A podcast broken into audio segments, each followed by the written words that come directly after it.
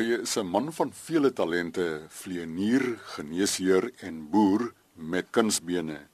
Dr. Mani Kutse boer vandag op sy oupa se plaas Karoo Vlei, nie ver van Brandsebaai se myn. Jy ry vanaf Vredendal oor Loetswil en Kokenaap tot op Karoo Vlei. Ek ek het uh, na skool het is uh, gimnasium toe gaan, toe die lugmag lere in die vloot gimnasium, toe ons na die uh, lugmag gimnasium gaan. Daarna het ek toe in die gimnasium tyd daai jaar ons gekwalifiseer as vlieënier in die lugmag gebly. Tot 2 jaar daarna was ek 'n vlieginstrukteur in die Notte, dis waar die sentrale vliegskool gewees het.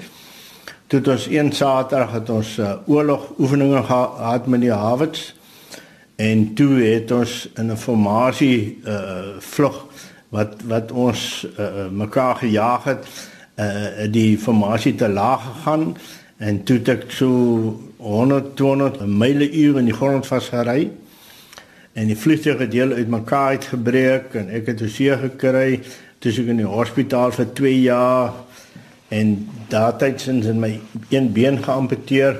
En daarna het ek toe besluit ek gaan nou iets professioneel doen en toe het ek nou medies uh Stellenbosch gegaan en Karl Bremer Hospitaal nog en daarna klaar gemaak toe net Tegenberg Hospitaal gebou. Daarna het ek in Suidwes gaan werk vir 2 jaar bo teen die grens in die tyd wat die grensoorlog was.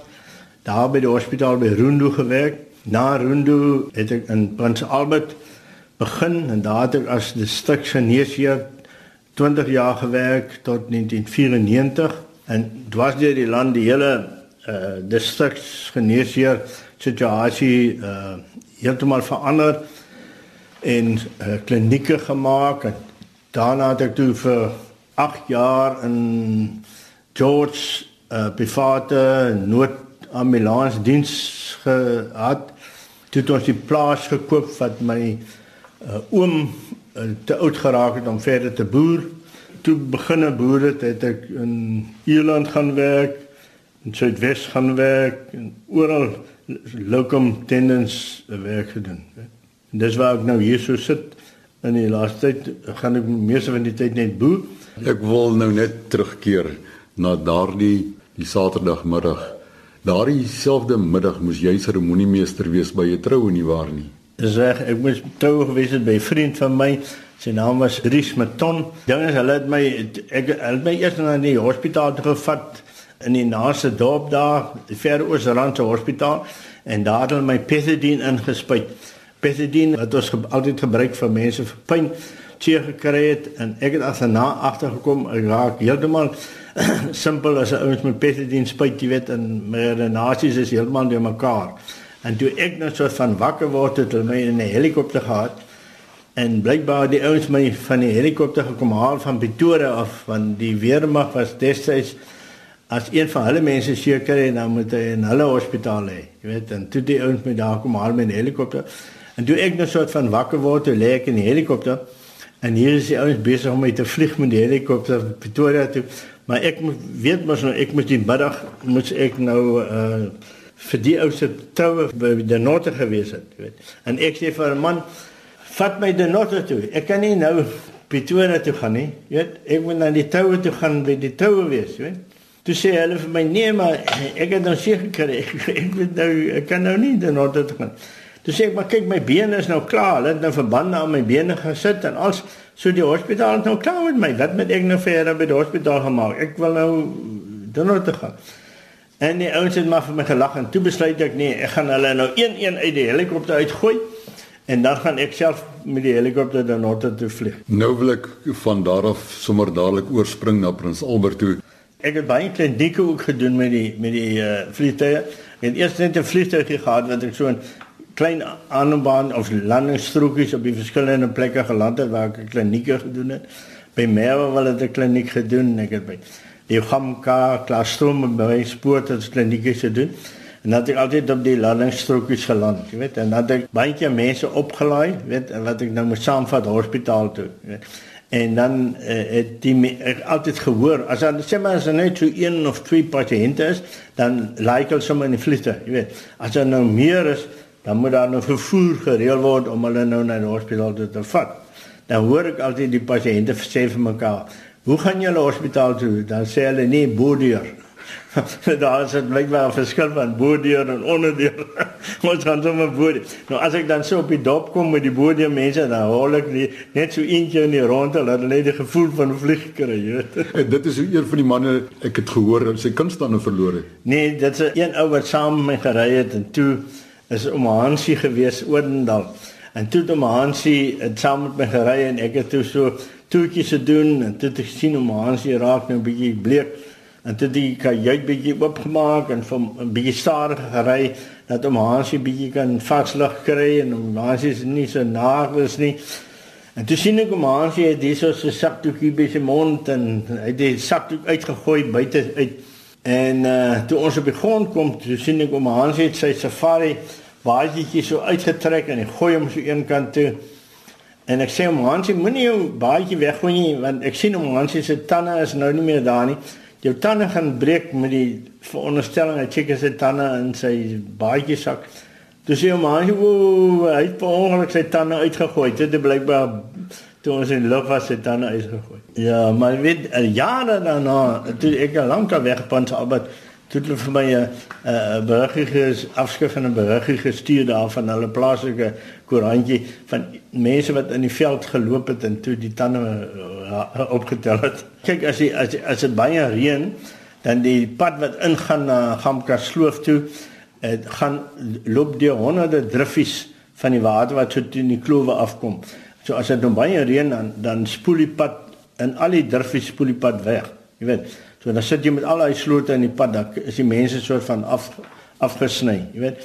En toe ek uh daar was 'n enige plek in die kloof om 'n uh, landingsstrook te te maak nie. En maar reg aan die einde van die kloof het ek die padskraper kom eentjie en en 'n skikkeljak skraap by die afdeling se harte padskraper die pad reg af tot in die kloof dit het vir die ou gekry om vir my net so teen een uh, rand daar so 'n gelykie uit te skrap. Maar dit was nogal baie tegnies baie moeilik om daar te land die, die son uh jy kan net sekere tyd van die dag daar land want jy kan nie so land dat jy reg in die son inkyk nie. Die tweede ding is as jy as jy voor jy land as jy op eindnadering is soos ons sê, dan moet jy die masjien heeltemal afskakel dat die propellers stil staan sodat as jy die grond slaan anders hardloop jy aan die ander kant van die ander baan af as jy weer in 'n kloof, jy weet. Uh, ek het baie geland met die ou Tiger Moth vliegtuigie wat ek daar gehad het. Maar die Tiger het mos nie remme gehad nie, so uh, as jy land, dan moet jy eers die ding afskakel, so as jy die grond vang, dan moet jy so gou as moontlik kan stop en as die ding stadig is, genoeg is, dan moet jy uitspring en die ding vashou as hy hardloop jy ook in die sloot aan die ander kant. He. En die aanloopbaan was uitgeklip kan ek sê met uh, gewitte klippe. Ja, dit so vir, vir my dit so uit uitgemerk. Jy weet hulle die uit, uit kan uitmerk, ja. Ja. En interessante ervarings in Ierland. Dit is anders anders 'n soort van mense daar, jy weet. En en, en dit reën aan mekaar. Dit reën aan mekaar. En ek dink eendag vir 3 maande daar gewerk en toe het uh, dit was was dan nie eendag wat wat oopgetrek was, wat die lug oopgetrek was nie, jy weet. En toe sit ek in die, in praktyk en toe kom daar een van die ouens wat boer daar daar my aan. Uh uh ek sê hom, "Wat is die probleem?" Hy sê uh hy het opgekyk en hy het per ongeluk reg in die son ingekyk. En toe sien hy sulke sterretjies, jy weet. Nou wil hy weet, have I got brain damage now, jy weet? En ek dog eers die ou maak nou 'n grap met my, jy weet, en nou moet ek nou eers versigtig wees om die ou nou regtig dit sy probleem is. Toe kom ek agter maar die man is baie ernstig. Hy het nou reg in die son gekyk en toe sien hy die kolletjies, jy weet. En ek dink ek het nou baie tyd daar was nie baie pasiënte nie. Ek gaan nou moet hom soort van wie jy grappie maak en ek sê vir hom you don't want to know what the uh, treatment for this is going to be. Jy weet. Die ou sê nee, what is a treatment? Ek sê vir hom jy moet nou vir 40 dae en 40 nagte in 'n absolute donker kamer gaan sit en dit sal ja, dan al behandeling wat daar is vir hierdie toestand nou, jy weet. En die ou sê, daar bars die ou in trane uit en hy sê maar hy sal dit nooit kan doen nie. dink ek is net in Ierland waar die son nie skyn nie, maar ou kan dink hy uit Brandewitz as hy in die son gekyk het. Toe vat dit my 'n halfuur om die ou te oortuig dat ek 'n grap gemaak met hom het. Wanneer hoe danig het jy die aanpassing gevind van geneesheer na boer hier in hierdie deel van die wêreld? Kyk, ons het maar groot geword met met diere en uh met boere, jy weet, en toe ons klein was, was maar elke vakansie in die in die in die in die uh plaas gewees en ons altyd so daar was sy vir ons en ons is so na aan die natuur na aan die tipe goed.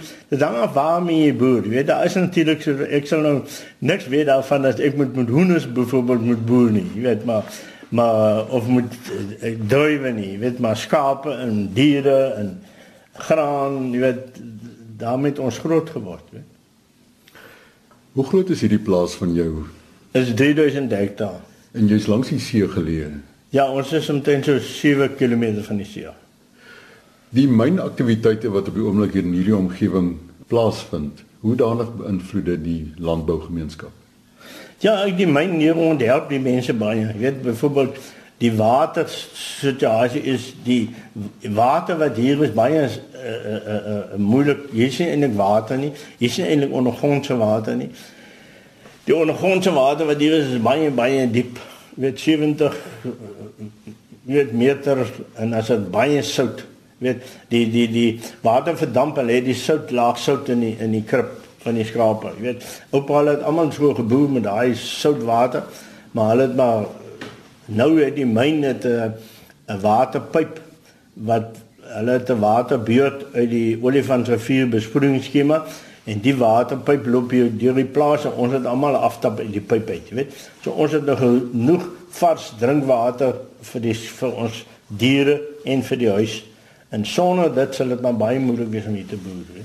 Karoo vlei naby Brandsebaai se myn is die plaas van Dr Mani Kutse, 'n man met deursettingsvermoë, energie en 'n lus vir die lewe ondanks twee amputasies.